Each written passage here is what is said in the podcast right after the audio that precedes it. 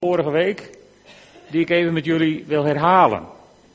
Want dit moet je goed tussen de oren hebben. Het is belangrijk dat je dit begrijpt. Het koninkrijk van God is goed nieuws.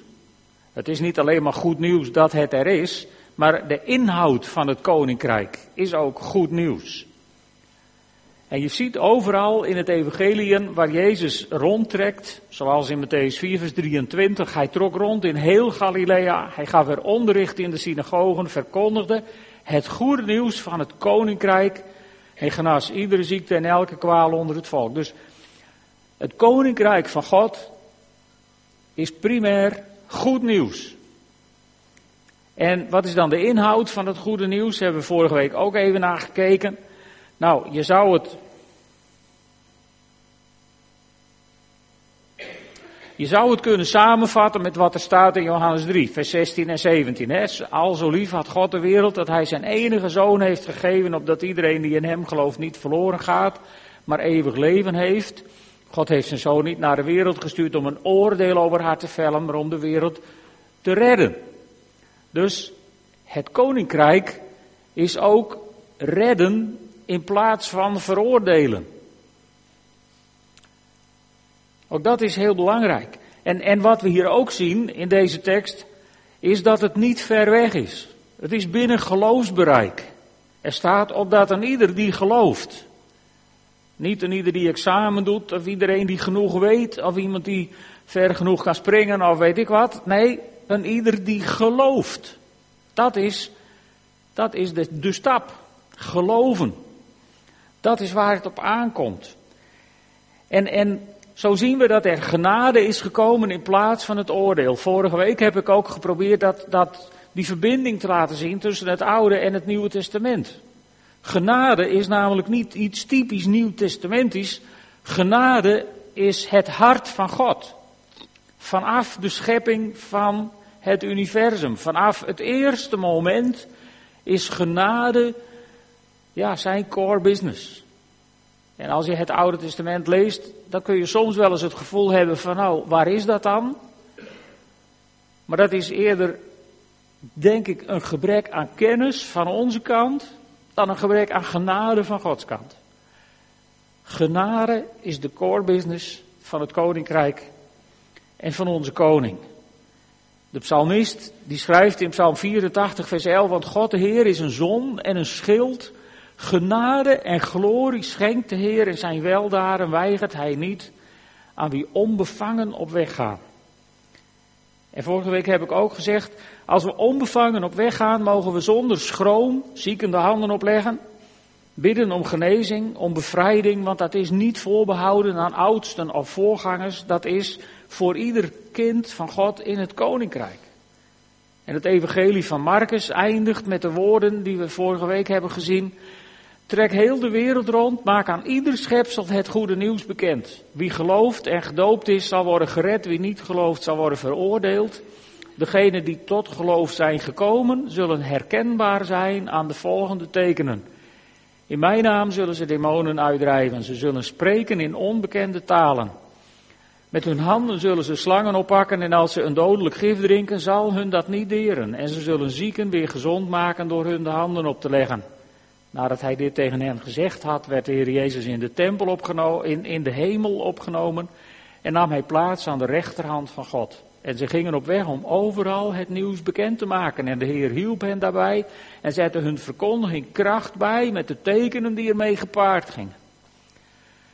Nou, het vraagt niet zo heel veel fantasie om dan tot de conclusie te komen, naarmate je de kerkgeschiedenis leest, dat we daar het een en ander zijn kwijtgeraakt. Hoe dat precies is gekomen, dat weet ik niet. Dat heeft ook geen zin om dat helemaal te analyseren, want dan kom je al gauw op het punt waar je neigt om schuldigen aan te wijzen en dan raak je van de core business weg, want dan ga je oordelen in plaats van redden. Dus dat is een zinloze actie. Het is alleen iets wat we ons bewust zouden moeten zijn van, wat, van dit koninkrijk, wat Jezus hier schildert. Daar zijn wij de ambassadeurs van de vertegenwoordigers op deze aarde. En één ding is zeker, als je je handen in je zak houdt, ga je deze dingen nooit beleven. Maar daarnaast moeten we ja, moeten we ons ook realiseren, moeten we ook erkennen dat we Gods koninkrijk nog niet volledig kunnen doorgronden. Tenminste, ik niet. Als er iemand van jullie is die zegt, oh, ik snap het helemaal, mag je volgende week spreken. Ik mis hier en daar nog wat. En uh, veel over het koninkrijk komt in gelijkenissen en in verhalen tot ons. Soms ligt God een tipje van de sluier op, zelfs in oud-testamentische verhalen zie je soms hele boeiende dingen over het koninkrijk. Maar je oog moet er even op vallen. Of met andere woorden, God moet ze even voor je in het voetlicht brengen, zodat je dingen gaat zien. En, en soms gebeuren er dingen zoals genoemd in Marcus 16. Maar heel vaak gebeuren die dingen ook niet. Er ligt teleurstelling en frustratie op de loer, waardoor je maar niet meer Bid voor je zieke buurman of je zieke collega. Waardoor je schroom krijgt om iemand de handen op te leggen en denkt van ach, nou ja, het, het, het, laat maar zitten. Dat ligt altijd op de loer. En weet je, zelfs een man als Paulus die erkent dat hij niet alles doorzag.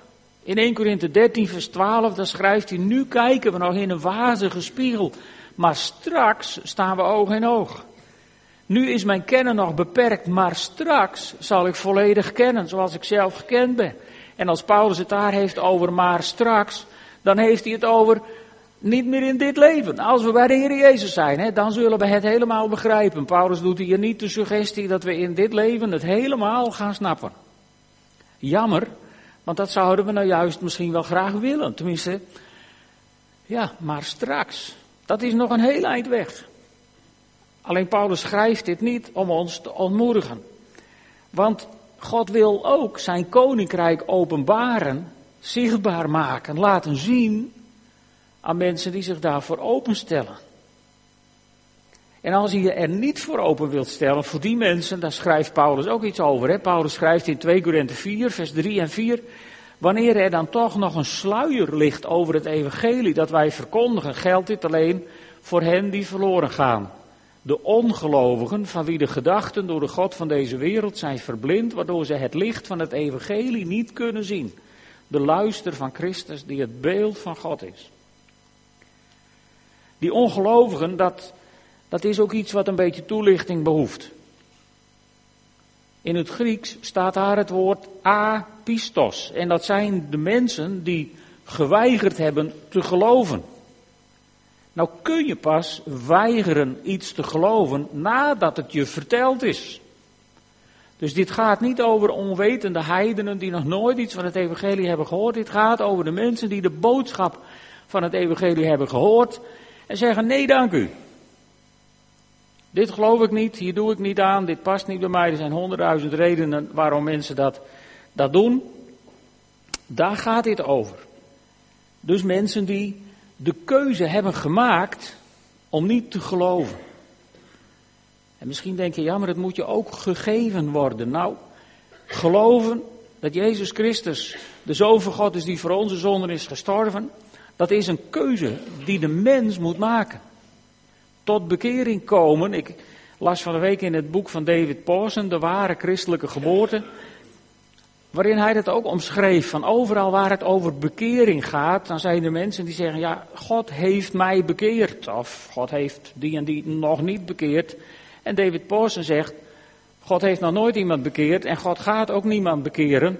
Jij moet je bekeren. Overal waar het in het evangelie, in de Bijbel, in de brieven ook gaat over bekeren, dan is dat een werkwoord met de mens die het moet doen als onderwerp. Zo zitten de zinnen heel duidelijk in elkaar.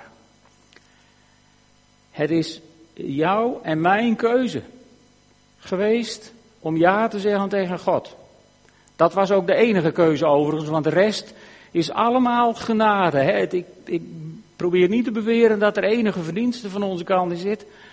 Maar die keuze, die maak je of die maak je niet. Je kiest voor of tegen Jezus, net zoals Jozua al zei, kies dan heden wie gij dienen wilt tegen het volk. Daar ligt de sleutel. En als je die keuze hebt gemaakt, dan weet je dat die sluier waar Paulus het over heeft, er niet voor ons is. Maar die wazige spiegel waar hij over schrijft, eigenlijk nog wel. Want daar schrijft Paulus ook over zichzelf. En Paulus had de keuze gemaakt. Meer dan. En wat we, wat we ons ook moeten realiseren is dat het koninkrijk niet valt te ontdekken in religie of in rituelen. Dat wordt wel heel veel geprobeerd op deze wereld. Maar tegen de mensen die dat doen, dus tegen zijn landgenoten, tegen de Joden, sprak Jezus in gelijkenissen. Tot verbazing van zijn discipelen en dan vragen de discipelen, nadat Jezus de gelijkenis van de zaaier heeft verteld, vragen de discipelen hem, waarom spreekt u in gelijkenissen tot hen? En dan antwoordt Jezus, jullie mogen de geheimen van het koninkrijk van de hemel kennen en hun is dat niet gegeven. Nou is dat nog steeds een kennen als in een wazige spiegel, hebben we bij Paulus gezien. Maar goed, we zijn onderweg dus om, om steeds beter te kennen. En dan zegt Jezus, want wie heeft zal nog meer krijgen. Het zal overvloedig zijn, maar wie niets heeft, zal zelfs het laatste worden ontnomen. Laat ik één ding even duidelijk maken. Hier gaat het niet over bezit. Deze tekst is gruwelijk misbruikt om klassenverschillen in stand te houden. Hè? Door de rijken die beweren dat nee, de arme die niets heeft, dat wordt hem afgenomen. Dat doe ik wel even. En wie heeft, die krijgt steeds meer. Prosperity gospel. Daar zie je deze tekst ook regelmatig voorbij schuiven. Maar daar gaat dit niet over. Het gaat er hier over. Het gaat niet over bezittingen, maar over het verlangen naar Gods koninkrijk. Denk ik ongeveer te omschrijven. Als je verlangt naar meer van het koninkrijk van God, dan ga je meer ontvangen. En als je er niet naar verlangt, dan wordt dat laatste restje verlangen ook nog gedoofd. Alsof je, zeg maar, in deze zomer je vuurkorf aan hebt staan en je haalt daar een mooi gloeiend klompje hout uit en dat leg je naast de vuurkorf op de tegels. Dat moet je maar eens proberen volgende zomer. Of misschien krijgen we nog een hele mooie dag waarop dat zou kunnen. Hoe gauw dat uit is. Hoe gauw dat over is. Maar goed, Jezus zegt hier dus, ons is gegeven om de geheimen van het koninkrijk te kennen. Daar mogen we ons naar uitstrekken. Maar Jezus gaat nog iets verder. En dan zegt hij, dit is de reden waarom ik in gelijkenissen tot hen spreek. Omdat zij ziende, blind en horende doof zijn en niets begrijpen. En dan zouden we zeggen, nou dat is zielig, dat is eigenlijk niet eerlijk. Want om nou tegen blinde mensen te zeggen, nou dan moet je maar beter kijken, dat, is, dat gaat natuurlijk niet op. En tegen dove mensen, dan moet je maar beter horen. Daar ben ik inmiddels ervaringsdeskundige in. Dat is ook niet leuk. Maar dat is niet wat Jezus hier bedoelt. Je, je, moet, je kunt deze tekst terugvinden, dit, deze uitspraak van Jezus in Jesaja 6, vers 9 en 10.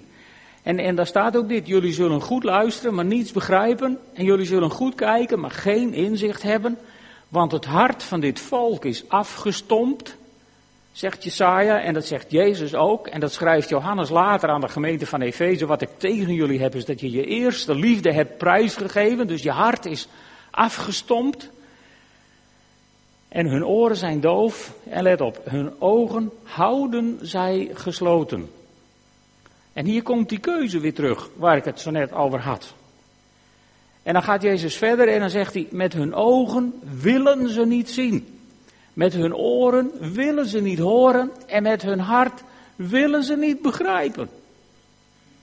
De werkwoorden zijn heel duidelijk in het, in het Grieks, in wat Jezus hier zegt. Dus het is de keuze van degene die hoort, maar dat niet wil. Die ziet, maar het niet wil. En die in zijn hart wel wordt aangeraakt, maar het niet wil. En tegen die mensen zegt Jezus, spreek ik in gelijkenissen, want en, en dan staat daar die, die ontroerende tekst van als ze dit namelijk wel zouden willen, als mensen de keuze zouden maken om te willen zien wat Jezus met ons voor heeft, om te willen horen wat God ons te zeggen heeft, om te willen voelen in hun hart wat God voelt voor deze wereld. Als we dat zouden willen, zegt God, dan zouden ze tot inkeer komen en zou ik hen genezen. Als je het zou willen, zou je tot inkeer komen en zou ik je genezen. Proef je hier de hartekreet van God?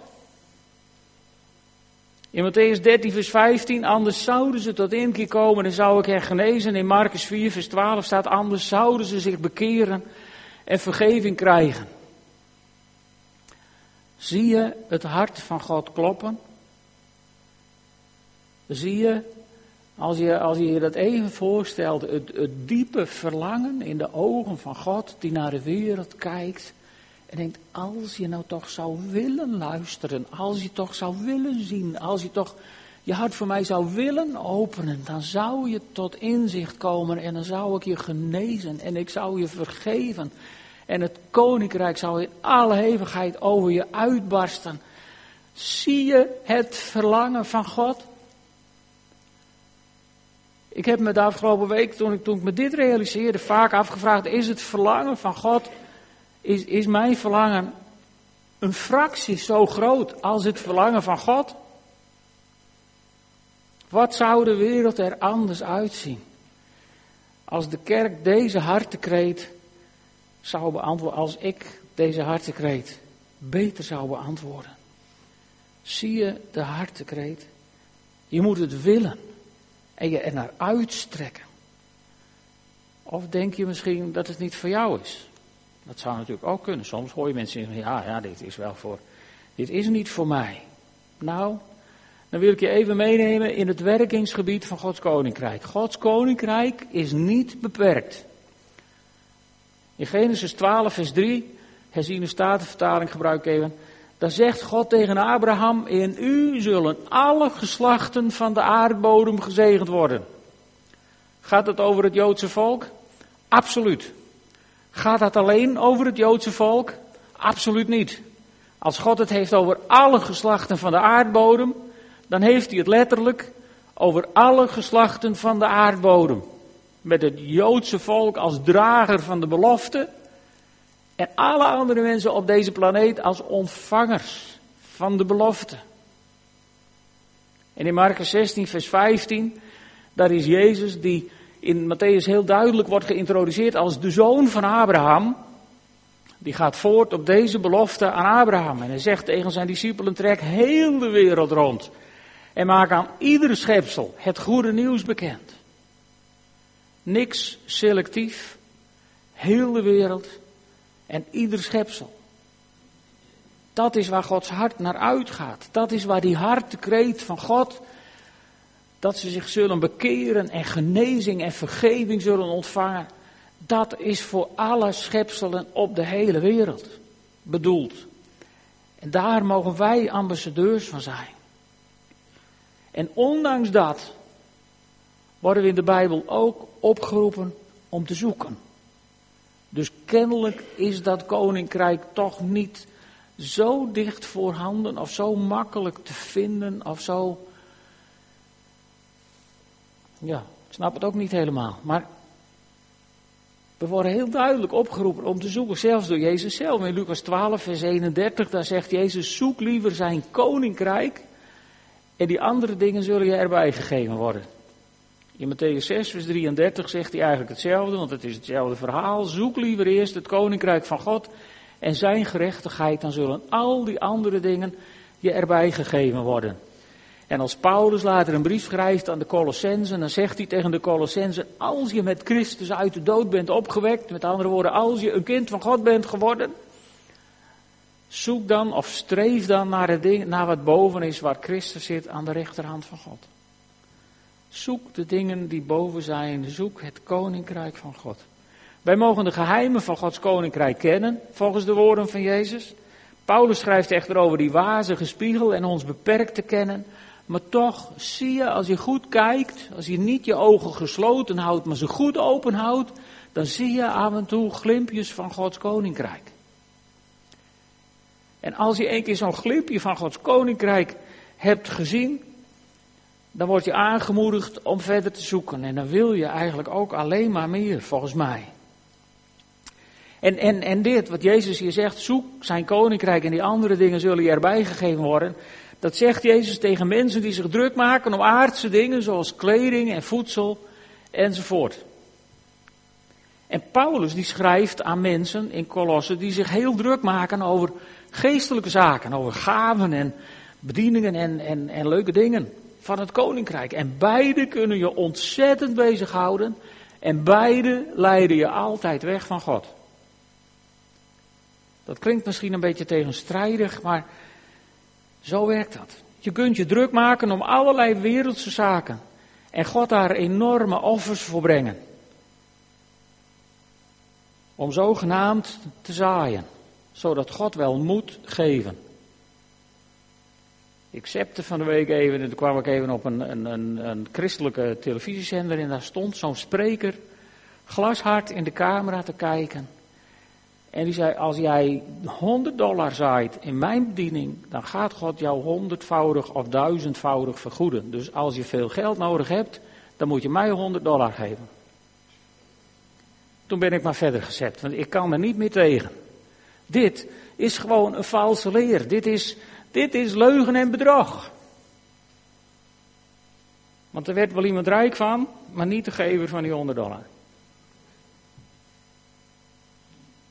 Maar zo kun je bezig zijn en in valkuilen trappen om, om maar dingen van God te krijgen. En je kunt je ook uitstrekken naar die zaken uit Marcus 16 en God daar enorme offers voor brengen. In eindeloos bidden en vasten en wat al niet meer, opdat God wel moet genezen en bevrijden. Wel, dan zal ik jullie een geheim vertellen. De God die ik bezig ben te leren kennen, die moet niks. En alles wat ik krijg, en alles wat jij krijgt en alles wat wij als open thuis van God ontvangen is pure genade uit de hand van God. Niks meer en niks minder.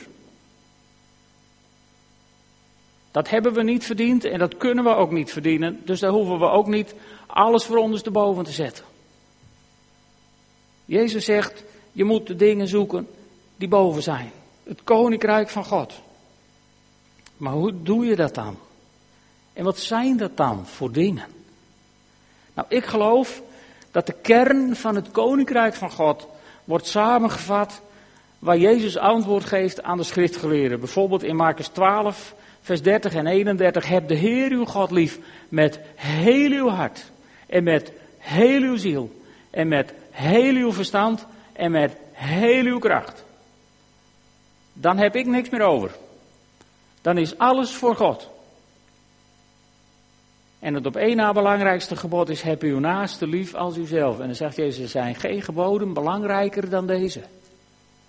Ik denk dat dit de kern is van het koninkrijk van God. Ik denk dat dit is wat wij moeten zoeken. Want dit hebben we nog lang niet bereikt. Ik heb dit, tenminste laat ik het bij mezelf houden voordat ik ook mensen beschuldig. Ik heb dit nog lang niet bereikt. Dit zijn voor mij de dingen die boven zijn. En als je hierom zoekt, dan gaat er iets met je gebeuren. Dan gaat er namelijk gebeuren wat Paulus zegt in Romeinen 12. Dan word je ter beschikking gesteld. Dan krijg je TBS. Romeinen 12, vers 1. Broeders en zusters, met een beroep op Gods barmhartigheid vraag ik u om uzelf als een levend, heilig en God welgevallig offer in zijn dienst te stellen. Want dat is de ware eredienst voor u. Wil je het koninkrijk van God zien? Neem dan op vrijwillige basis TBS. Stel je aan Hem ter beschikking. Geef je aan Hem. En dan gaan die andere dingen uit de hand van God tot je komen. En wat zijn dan die andere dingen? Nou, daar kun je hele lange lijsten van maken. Ik heb er uh, even vier uitgezocht om onder het voetlicht te brengen. Die andere dingen, als je jezelf aan God geeft, die zijn Gods voorziening in praktische zaken. Jezus zegt in Matthäus 6, vers 31 en 32, vraag je niet bezorgd af wat zullen we eten of wat zullen we drinken of waarmee zullen we ons kleden, want dat zijn allemaal dingen die de heidenen najagen. Jullie hemelse vader weet wel dat jullie dat alles nodig hebben. Ik kan uit mijn eigen ervaring alleen maar zeggen. Toen ik stopte met mijn bedrijf. Toen, uh, toen heb ik God helemaal voorgerekend. Wat ik nodig had aan geld om door de tijd te komen. Dat heb ik nooit gehaald. En het heeft ons ook nooit aan iets ontbroken. Vraag mij niet hoe het precies gewerkt heeft, maar het heeft altijd geklopt. Wonderlijk. Ja, want God komt zijn belofte na. Hij laat je niet zinken.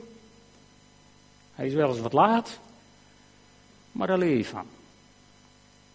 Een tweede punt van die andere dingen die God aan je gaat geven, is de vrucht van de geest. Galaten 5, vers 22. Liefde, vreugde, vrede, geduld, vriendelijkheid, goedheid en geloof.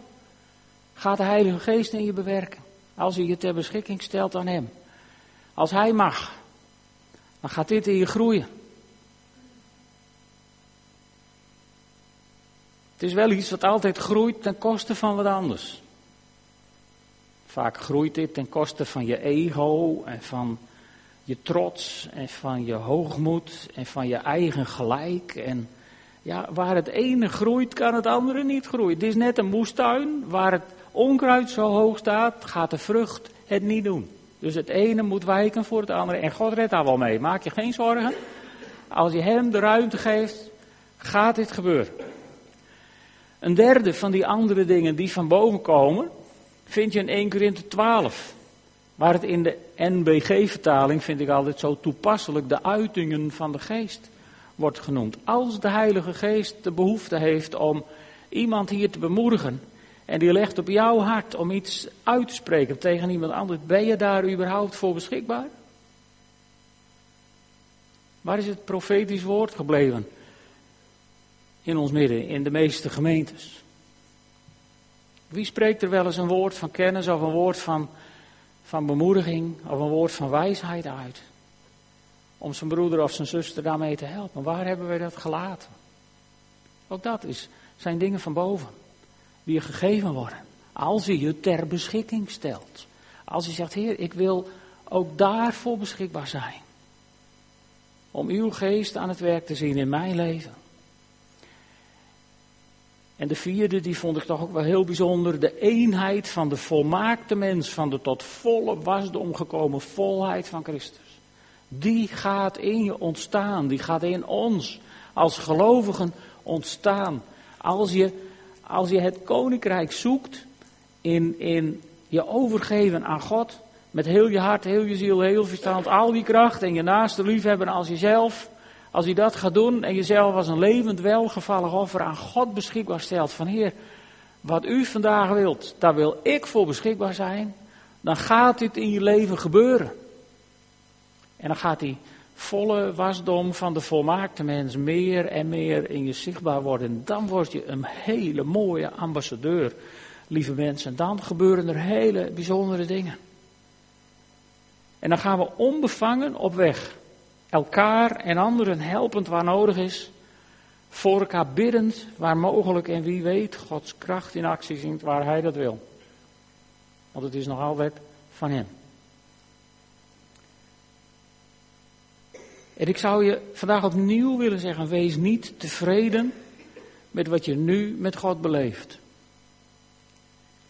Denk niet, om even terug te grijpen op de laatste preek uit de zomerserie, Denk niet van, het gras is hier ook groen genoeg. Waarom zou ik verder trekken? Waarom zou ik moeite doen?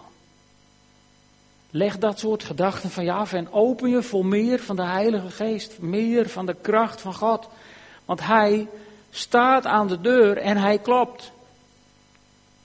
Openbaringen 3, vers 20. En indien iemand naar mijn stem hoort, er staat niet indien iemand mijn stem hoort, maar indien iemand naar mijn stem hoort vanuit het Fries zou je zeggen, het gaat niet om jern, maar het gaat om luisteren. als iemand naar mij luistert en de deur open doet, dan zal ik binnenkomen. Hier heb je weer die keuze. Want de deurkruk zit aan onze kant. Wil je meer met God beleven? Ben je bereid om je teleurstellingen, om je verdriet, om je pijn, om je. om dat allemaal bij God neer te leggen? En zei, Heer, ik heb zo vaak voor mensen gebeden. Ik heb zo geroepen om situaties in mijn leven en er is niks veranderd. Maar ik geef het aan u en ik wil opnieuw met u op zoek naar meer van uw koninkrijk. Zou je dat willen? Want weet je, dan komt Jezus binnen. En dan wil ik je opnieuw herinneren aan die prachtige steen waar je straks naar het koff, bij het koffiedrinken maar eens even naar moet kijken. In de hal staat het in steen gegrift. De Heere kan u meer geven dan dit. En dat wil hij ook. De vraag is, stellen wij ons ter beschikking om het te ontvangen? En dan tot slot, een van de grootste tekenen dat het koninkrijk van God is gekomen. Staan hier voor u. Jezus zegt, als je naar mij luistert en de deur bedoelt, dan kom ik binnen en dan wil ik maaltijd met je houden. Nou, vandaag gaan we maaltijd houden met Jezus. Er is brood en wijn. De geest van God is hier.